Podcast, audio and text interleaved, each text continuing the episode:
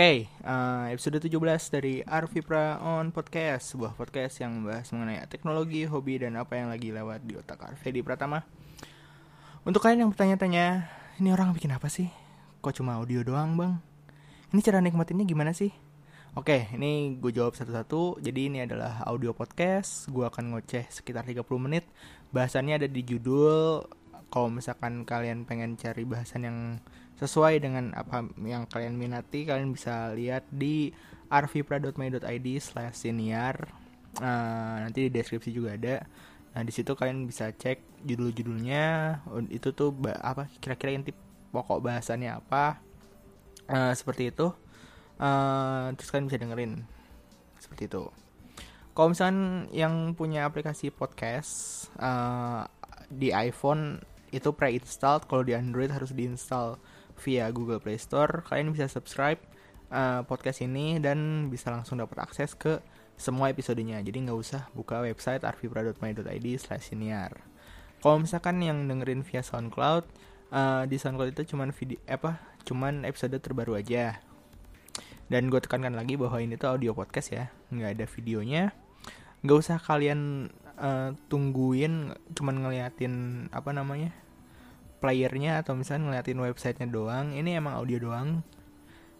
Karena ini audio doang kalian bisa dengerin ini sambil menunggu tidur nungguin orang di tempat servis motor sambil ngerjain tugas. Pokoknya kalian bisa dengerin ini nih sambil uh, apa ya pokoknya nggak mengganggu aktivitas kalian.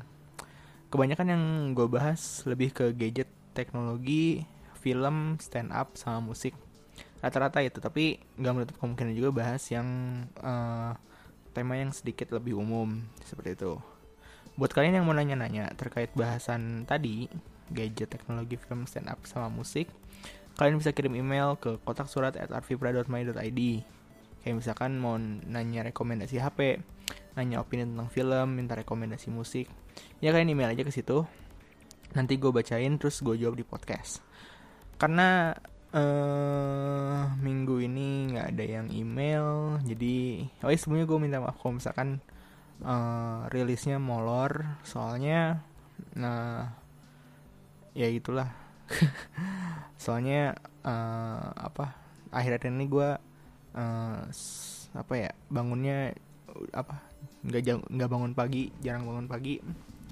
Jadi uh, apa namanya ya ya ini sebenarnya ngikutin jam bangun gue sih si podcastnya. Jadi ya minta ya kalau misalnya ada yang nungguin kalau misalnya ada yang nungguin ya. Kayaknya sih nggak ada yang nungguin. Uh, ya gue minta maaf kalau misalkan telat. Oke? Okay?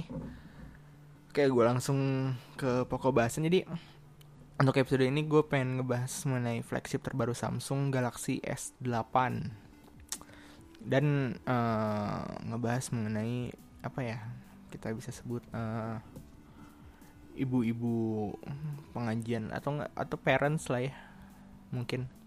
Atau orang tua atau apa ya ya. Adults adult kayak adult. Saat menjalani orang dewasa ya, ya itu benar.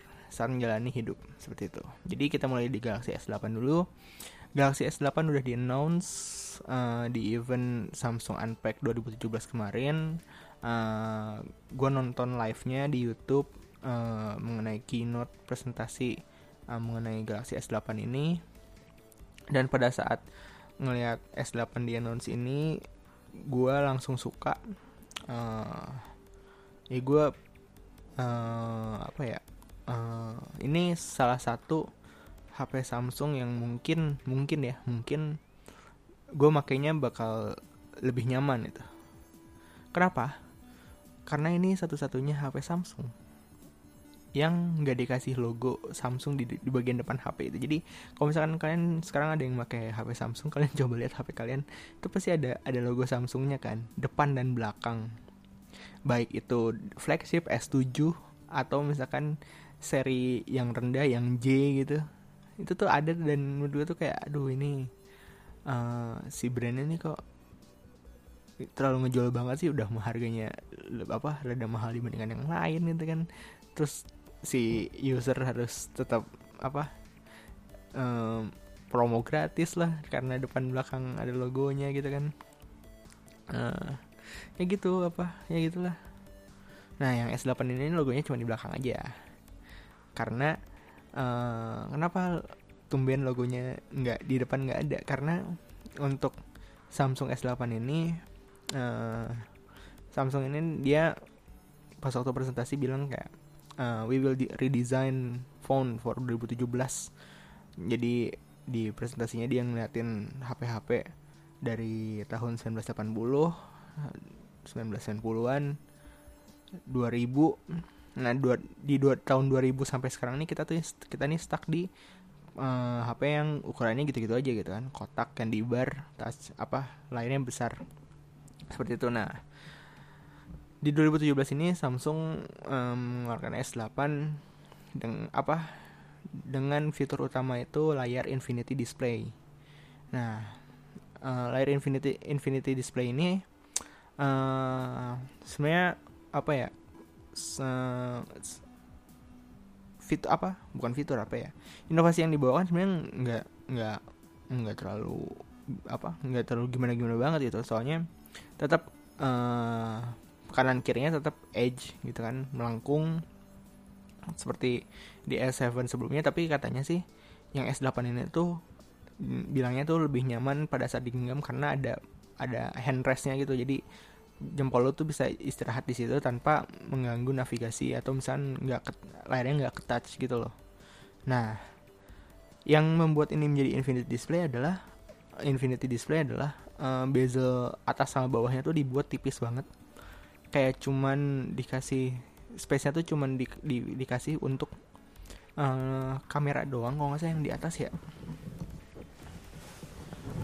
Kayak gitu. Uh, jadi uh, apa secara secara apa screen to body ratio rasionya tuh tinggi banget sekitar berapa ya 80 persenan sampai 90 persenan kalau nggak salah seperti itu nah terus juga mengikuti karena apa ya hmm, menginginkan infinity infinity display uh, dengan pengennya layarnya besar tapi nggak mengganggu apa kenyamanan dalam membawanya. Maksudnya kalau misalnya layar semakin besar kan harusnya kan body body HP-nya makin gede kan.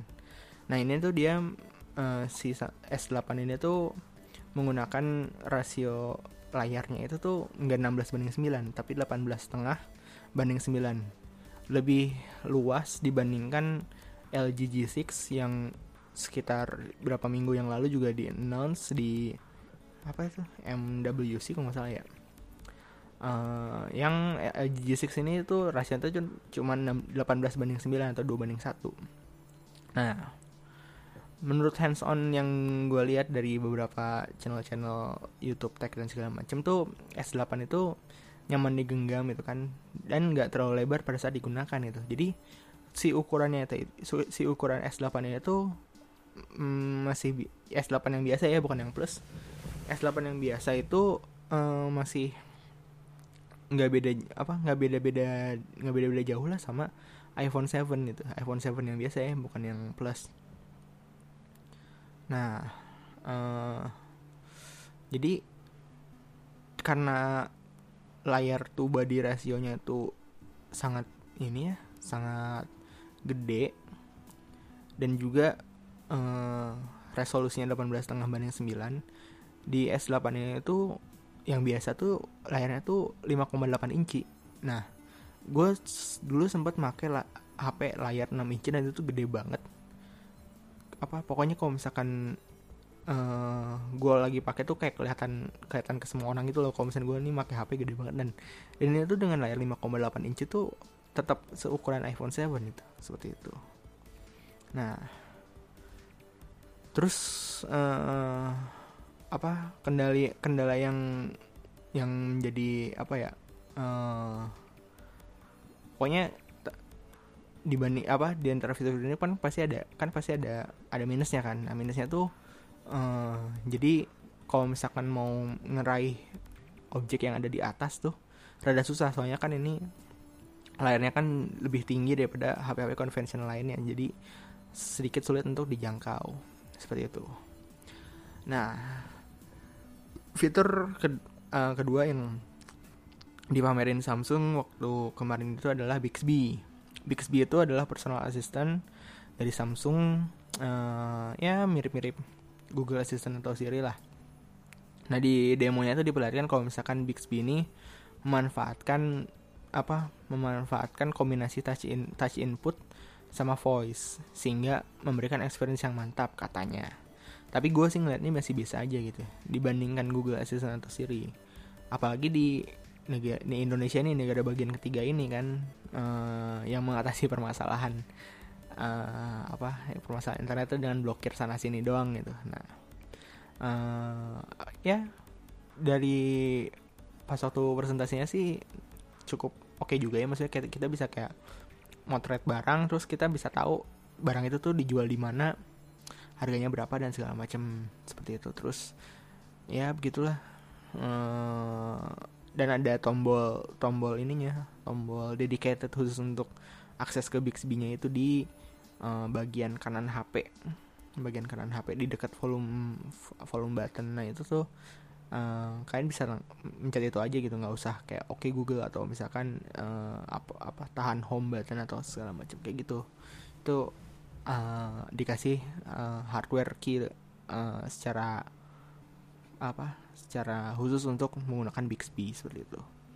Ya cuman di nggak tahu sih ntar S8 pas waktu di Indonesia bakal bakal apa iklannya gimana? Soalnya kalau misalkan personal assistant gitu di Indonesia masih belum jarang yang make ya terkait kendala bahasa voice-nya lah terkait konten-konten yang bisa di apa di diatur sama si Bixby-nya lah seperti itu. Nah terus uh, selanjutnya yang yang yang apa yang apa menarik perhatian gue itu adalah fitur Samsung Dex. Samsung Dex ini uh, mentransformasikan Samsung Galaxy S8 ini menjadi komputer desktop yang siap digunakan secara plug and play. Nah, tapi kan Windows Windows Windows Mobile kan udah duluan dengan kontinumnya. Iya, uh, Windows kemarin udah, lama sih 2015 lalu nggak salah 2000 Mei 2015 lah waktu Lumia berapa 1000 1050 itu ya. S950 ya 950 950 Nah itu tuh uh, ya Samsung emang nggak bilang ini dia pelopor apa pelopor fitur Samsung Dex soalnya menurut gue juga fitur ini sih masih di area gimmick gitu loh. Soalnya uh, kayak apa ya kalau misalkan si Samsung sendiri tuh apa menargetkan ini tuh ke pasar bisnis. Jadi kayak kayak lu tuh kalau misalnya ke kantor tuh lu cukup bawa HP lu aja nggak usah bawa laptop. Ntar di kantor udah ada docknya udah ada monitor udah ada keyboard lu tinggal taruh apa HP lu di situ lu siap kerja gitu kan. Dengan uh, intensitas kerjanya yang bukan yang berat-berat banget kayak misalkan uh, apa uh, spreadsheet yang yang sampai beberapa beberapa berapa sheet berapa kolom dan segala macem atau misalkan edit video atau misalkan uh, apa recording audio atau misalkan uh, editing gambar dan segala macam kayaknya nggak di situ kayaknya cuma kantoran biasa aja yang maksudnya Word uh, penggunaan Microsoft Office biasa lah seperti itu nah soalnya uh, di Samsung Dex ini si apps Office-nya itu Word, Excel sama PowerPoint-nya tuh udah diintegrasikan di X8 ini. Jadi pas waktu di menggunakan Samsung Dex ini, si aplikasi Word-nya itu tuh udah kayak lo make Word di Windows beneran itu secara UI dan lain-lain. Seperti itu. Terus juga ya browsing browsing udah bisa kirim email juga bisa di situ. Jadi kayaknya kayaknya emang dipakainya ke situ deh di targetinnya ke sana. Ke arah kantornya. Dia kayak lu nggak usah bawa nggak usah bawa apa namanya nggak usah bawa laptop lah. Terus di kantornya juga nggak usah ada budget lebih untuk beli PC gitu kan tinggal beli docknya apa tinggal beli atau tinggal beli S8 yang udah include sama sama box set Samsung Dex-nya. Samsung S8 yang dipinjemin ke karyawan pokoknya si karyawan itu uh, apa uh, beraktivitas kantor itu menggunakan HP itu seperti itu. Jadi kayak gitu. Mungkin menambah produktivitas tapi gue juga nggak tahu. Gitu. Cuman kalau misalkan untuk penggunaan penggunaan normal gitu kan ya ribet juga sih. Masih enak laptop ke mana-mana. Gitu. Sisanya sih menurut gue standar ya. Uh, prosesor Snapdragon 835 sama Exynos 8895 tergantung kalian beli di mana. Prosesornya ini udah uh, apa ya ukuran si transistornya tuh udah 10 nanometer jadi uh, yang pasti semakin kecil si ukuran transistornya ini tuh semakin rendah daya yang dibutuhkan dan semakin semakin besar performancenya karena bisa menampung banyak transistor karena semakin kecilnya itu seperti itu. Lalu uh, seperti S7, waterproof dan and dust resistance IP68, kamera 12 megapiksel di belakang, 8 megapiksel di depan dan juga uh, oh ya yang bikin banyak protes di S8 ini adalah penempatan fingerprintnya yang di belakang layar di belakang di pokoknya sebelah kamera gitu dan susah digapai cuman uh, apa Samsung udah nyediain alternatif lain itu menggunakan iris scanner jadi uh, dengan menggunakan retina mata tuh udah bisa nge-unlock HP gitu. Nah si iris scannernya itu mirip sama yang di Galaxy Note 7 sebelumnya seperti itu varian Galaxy S8 tuh ada dua. Ada Galaxy S8 sama Galaxy S8 Plus. Yang membedakan cuma ukuran layar yang biasa 5,8 inci yang plus 6,2 inci. Sama baterainya yang biasa 3000 mAh yang plus 3500 mAh kalau misalkan kalian penasaran dan pengen menjadi early adopter untuk Samsung Galaxy S8 ini kalian bisa mulai pre-order dari tanggal 8 April sampai 17 April menurut bocoran harga untuk S8 itu 10 juta 500 ribu dan untuk S8 Plus itu 12 jutaan. Apakah kalian tertarik dengan S8 ini? Gue sih uh, apa ya? Pengen sih ya pengen sih pengen. Cuman kalau misalkan 10 juta sih belum inilah belum nyampe gue ya gitu. Gue gue suka sama desainnya aja sih. Termasuk kalau gue yang nggak ada di depan tuh, tuh waduh the best sisanya sih gue belum begitu tertarik untuk nyobain Bixby. Ah Google aja di sini susah. Kayak gitu. Oh iya walaupun ada Bixby tapi tetap ya uh, Samsung ngasih Google Assistant ke S8 nya. Jadi kalian bisa make either dua itu tuh seperti itu. Nah itu tadi Galaxy S8 gue udah kayak promo aja ya ngejelasinnya. Ya pokok doakan lah. Kalau misalnya apa semoga gue bisa nyicip S8 jadi bisa gue kasih review. Ada amin? Gitu. Oke. Okay. Jadi untuk yang mau tahu kenapa gue ngerjain podcast episode ini rada molor adalah karena semua ini eh semua ini karena hashtag jangan lupa bahagia yoi. Kalau misalnya kalian cari hashtag jangan lupa bahagia itu itu hashtag itu digunakan sama game yang jadul banget yang udah lama banget. Tapi lagi mas in lagi nih karena server baru gitu terus kayak mencoba reborn lah gitu. Ya, game Ragnarok online gitu. salah satu MMORPG favorit gue ya pada dasarnya gue seneng game RPG sih. Ya kenapa gue seneng game RPG adalah karena di situ ya kita diberikan suatu role dan kita harus mengambil keputusan dan bertindak sesuai dengan role kita. Itu yang gue percayai. Bahwa di dunia nyata itu kita juga punya role masing-masing gitu kan. Ya contohnya ada role sebagai pembeli dan ada role sebagai penjual dua role ini saling berkaitan kalau misalkan nggak ada yang beli nasib penjual bagaimana? Kalau nggak ada yang jualan yang mau beli mau beli di mana gitu kan seperti itu. Dan terkait role ini gue sering kalau misalkan di game tuh kayak ngecit gitu. Jadi role gue di suatu lingkungan tuh bisa berbeda jika berada di lingkungan yang lain. Gue dulu sempet cerita kayak gini ke ya pada saat itu pacar gue uh, berarti sekarang mantan.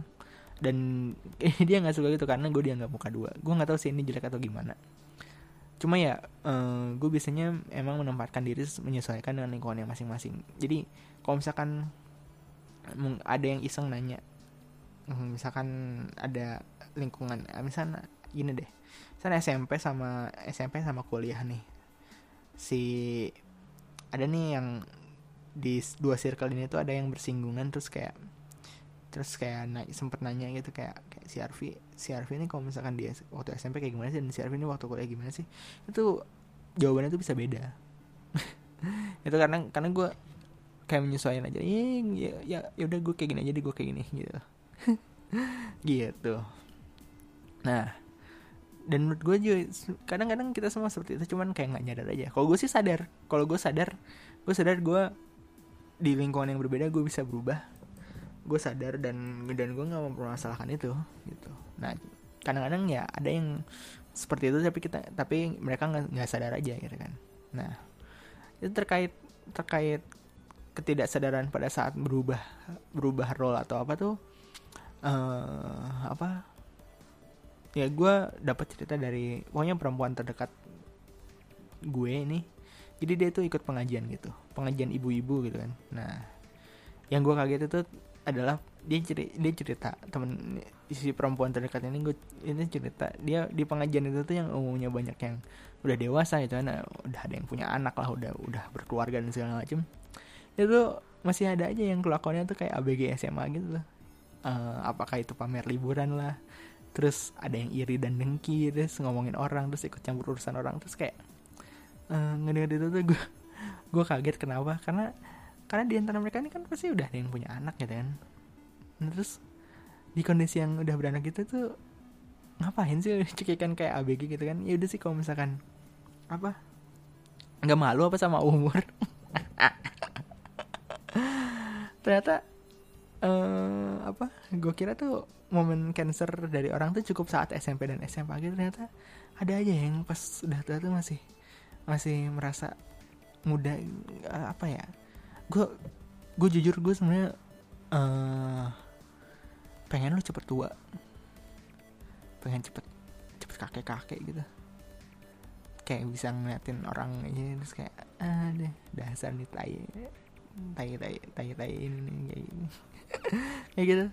Terus masih banyak juga ya apa oh, orang-orang dewasa yang uh, apa ya um, gimana ya bahasanya yang enak ya? Um, pokoknya uh, di suatu lingkungan tertentu dia, dia berubah jadi ABG lagi gitu loh. Aduh. Gue kira tuh semua orang tua tuh pasti pengen jadi kan ya semua orang tua tuh kan pasti pengen jadi contoh buat anaknya kan gitu. Orang dewasa tuh pasti uh, berlaku sebagai orang dewasa gitu. Kayak humble dewasa dingin kritis gitu kan. Yang ternyata enggak sih. Kemungkinannya sih ada dua. Yang pertama tuh mungkin mereka tuh pas waktu ABG tuh emang hits banget itu jadi kayak mereka nggak bisa nih menurun, menurunin standar hits mereka gitu terutama saat ada saingan. Kedua tuh yang kayak gini tuh emang pas waktu SMP sama SMA nggak punya teman aja jadi pas waktu ternyata ada punya suatu perkumpulan merasa oh gini yang namanya ngerumpi dan oh seneng ya bikin orang gini sama kita kayak gitu kali ya. Aduh ini yang perempuan-perempuan singgung gak sih? Gue ngomong kayak gini. Soalnya gue ngeliat nyokap gue mah ya seperti anak ngeliat ibunya gitu kan keibuan banget gitu kan. Apa kalian semua kalau nggak di depan anaknya langsung berubah sikap? Aduh. Eh, satu hal yang perlu ditekankan gue sama sekali nggak masalah mengenai hal ini. Gue salut sama kalian bisa mempertahankan role kalian yang banyak itu. Sekali-sekali malah gue penasaran pengen ikut pengajian itu kan terus kayak ngeliatin orang-orang oh gini oh gini ya. Gitulah semoga semoga bisa kesampaian. Oke. Okay. nah, ini sebenarnya bahasannya itu itu aja sih tapi karena waktunya masih ada dikit jadi gue bahas sesuatu yang lagi in aja ya. Jadi uh, eh, BTS boyband K-pop dari ya gue disebut K-pop berarti dari Korea lah ya ya be, apa boyband K-pop ini ntar lagi jual apa ntar lagi konser ngadain konser di Indonesia. Uh, terus kemarin di Twitter banyak ada beberapa yang ribut sebenarnya nggak banyak sih. Uh, cuman nongol di timeline gue aja terus ributnya itu tuh mengenai konser BTS ini. Banyak yang ngeluh wah tiketnya mahal gitu dan segala macam dan coba gue cek si tiket konsernya itu paling murah itu satu juta paling mahal itu 3 juta. Uh, dan menurut gue tuh untuk konser apalagi kalau misalkan yang lagi hits lagi in gitu apalagi boy band ya. Soalnya kan boy band kan sebenarnya gimmicknya banyak ya fan service lah dan segala macam gitu kan. Uh, jadi pasti butuh butuh butuh stage yang yang memang memadai butuh butuh apa screen yang emang bisa menjangkau semua gitu kan. Dibandingkan soundnya harus bagus-bagus banget itu kan kayak gitu. Seperti itu. Jadi ya menurut gue sih 1 sampai 3 juta tuh masih wajar-wajar aja gitu kan. Kalau misalnya ada yang penasaran lu coba cek aja twitternya kayak ini kayak ini sih gitu. Dia pokoknya ngebahas kena ya alasan alasan kenapa kayak konser K-pop itu mahal dan sebagainya gitu kan. Yang bikin gue kenapa sih ada yang komen kayak gini nih. Nah ini gue kutip tanpa diedit sama sekali ya. Jadi komennya tuh literally seperti ini. Kak seat plan-nya tolong banget yang adil agar semuanya bisa merasa dekat dengan BTS karena sempat ada bocoran yang di mana stage-nya hanya menguntungkan bagi pemegang tiket termahal. Saya harap bocorannya tidak benar ya mungkin yang komen kayak gini emang belum pernah nonton konser atau referensinya kurang atau apalah. Tapi sedihnya tuh dia kena bully gitu lah. Untung yang pas satu gue namanya disensor itu. Cuman ini juga nih yang gue bingung ini di era inf yang informasi mudah didapat ini wajar gak sih kesel sama orang yang kurang referensi gitu? Kadang orang-orang kayak gini yang sering kena bully ya ini ntar gue bahas aja deh. Pokoknya um, menurut gue konser itu ya semakin lu beli tiket yang kelasnya mahal tuh ya semakin semakin banyak uh, fasilitas dan keuntungan yang lu, lu dapat seperti itu. Dengan semakin murah berarti banyak banget kompromi-kompromi yang harus lu ambil gitu kan. Uh, ya kalau misalkan ada ada uang ada ada uang ada barang lah ya kayak gitu. Kenapa konsep sederhana kayak gitu aja susah banget sih. kalau misalkan gini sih, kalau misalkan tiketnya tiketnya sama rata dan semua dapat ini ya dan semua dapat apa semua dapat semua tuh dekat sama si stage-nya dan tiket harga tiketnya sama rata gitu kan. Ya yang rugi si promotornya lah. Kayak nggak belajar ini apa matematika dasar gitu yang yang lu tau yang soal apa uh, harga sebuah apel adalah x harga jeruk adalah y Ani memiliki sekian uang. Untuk men, apa harga apel dijual sekian, harga jeruk dijual sekian. Untuk mendapatkan keuntungan maksimum, Ani harus beli berapa apel dan berapa jeruk kayak gitu. Makanya dibikin dibikin kelas-kelasnya gitu loh. Supaya apa uh, yang murah tetap ada kelasnya, yang mahal juga yang mahal yang mahal juga apa? Ng ngasih duit ke si promotor. Gini kayak gitulah. Ah pokoknya itu. Oke okay, udah mau beres juga. Uh, ya ntar gue mungkin bakal ngebahas uh, kehidupan di era informasi yang mudah ini. Gue udah catat ntar ya tungguin aja apakah minggu depan atau apa segala macem jadi itu aja bahasan untuk episode ini. Maaf kalau misalkan episode ini apa secara secara quality turun atau apa ya maaf banget. Soalnya emang apa lagi lagi he, lagi banyak kerjaan juga gitu. Maaf ya. Kalau misalkan kalian suka klik like. Kalau misalkan subscribe bila mampu. Kalau nggak keberatan ya bisa bantu share kalau pengen komentar atau nanya-nanya mengenai teknologi, gadget, film, dan musik, bisa kirim email ke kotak surat at arvipra.my.id. Yaudah, segitu aja buat kalian yang denger di SoundCloud. Episode yang lama bisa diakses di arvipra.my.id. Uh, sekian dari gue, temukan passion kalian dan jadilah yang terbaik. Dah.